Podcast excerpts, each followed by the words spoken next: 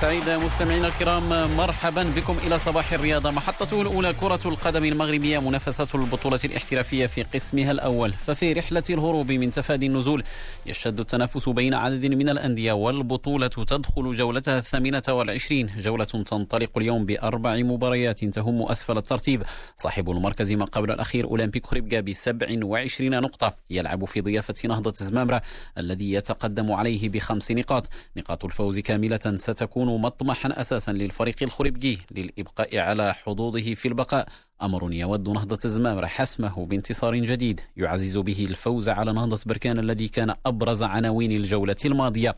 الفوز أيضا سيكون مطمح اتحاد طنجة صاحب المركز الرابع عشر بثلاثين نقطة وهو يرحل لمواجهة أولمبيك آسفي الذي يتقدم عليه بنقطتين. هو أيضا هدف يوسفية برشيد الذي يواجه في اختبار صعب مضيفه الفتح الرباطي رابع الترتيب.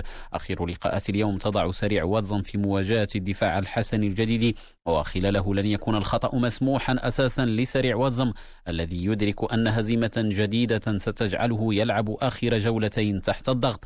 غدا وفي سباق تتويج باللقب تتركز الأنظار أساسا على لقاءين الرجاء الرياضي وفي قمة الدورة يستقبل ثالث ترتيب نهضة بركان والوداد الرياضي الوصيف يحل ضيفا على حسنية أكادير مغاربيا هذه المرة في تونس فيروس كورونا يواصل التسلل إلى بيت فريق الترجي الرياضي المتوج بلقب البطولة التونسية.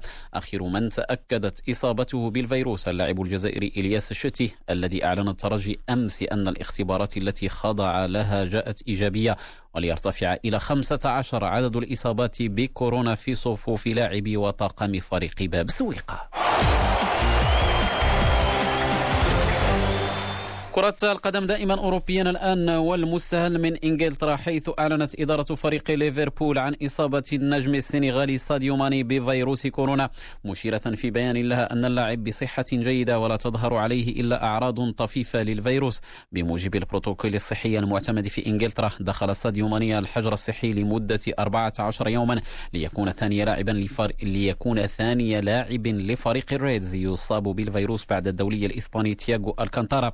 بتأكد إصابته. أيضا سيغيب ساديو ماني عن مباريات فريقه المقبلة وأيضا عن منتخب السنغال الذي سيواجه المنتخب الوطني المغربي وديا في التاسع من الشهر الحالي. مع أخبار الإصابات دائما بفيروس كورونا هذه المرة في إيطاليا قبل لقاء القمة غدا بين يوفنتوس ونابولي لحساب الجولة الثالثة من السيريا أعلن فريق نابولي أمس تسجيل حالتين إيجابيتين بفيروس كورونا في صفوفه. يتعلق الأمر باللاعب البولوني زيلينسكي وعضو عضو في الطاقم التقنية وارتباطا بمنافسات الجولة الثالثة من سيريا انهزم أمس فيورنتينا بميدانه في مستهل مباريات الجولة أمام سامبدوريا بهدفين لواحد. نبقى دائما مع الدوريات الأوروبية في الدوري الإسباني. تنطلق اليوم مباريات الجولة الخامسة بخمس لقاءات أبرزها. لقاء فالنسيا المتصدر مؤقتا ضد ريال بيتيس فيما فريق خيتافي الشريك الآخر في الصدارة ينزل ضيفا على الريال سوسيداد. أتلتيكو مدريد من جهته يستضيف فيا ريال غدا ريال مدريد يحل ضيفا على ليفانتي. وبرشلونة يستقبل إشبيليا في قمة الجولة بامتياز.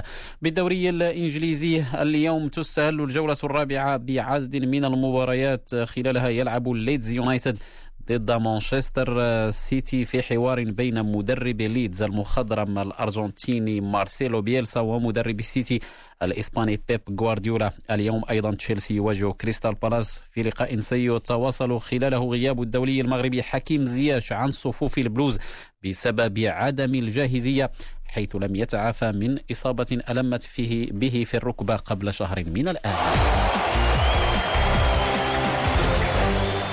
نختم من الولايات المتحدة الأمريكية بداية بدوري السلة الأمريكي للمحترفين إي لوس أنجلوس ليكرز. تغلب على ميامي هيت ب 124 نقطة ل 114 نقطة في المواجهة الثانية بينهما في سلسلة مباريات النهائي التي تحسم على أساس الأفضل في سبع مباريات.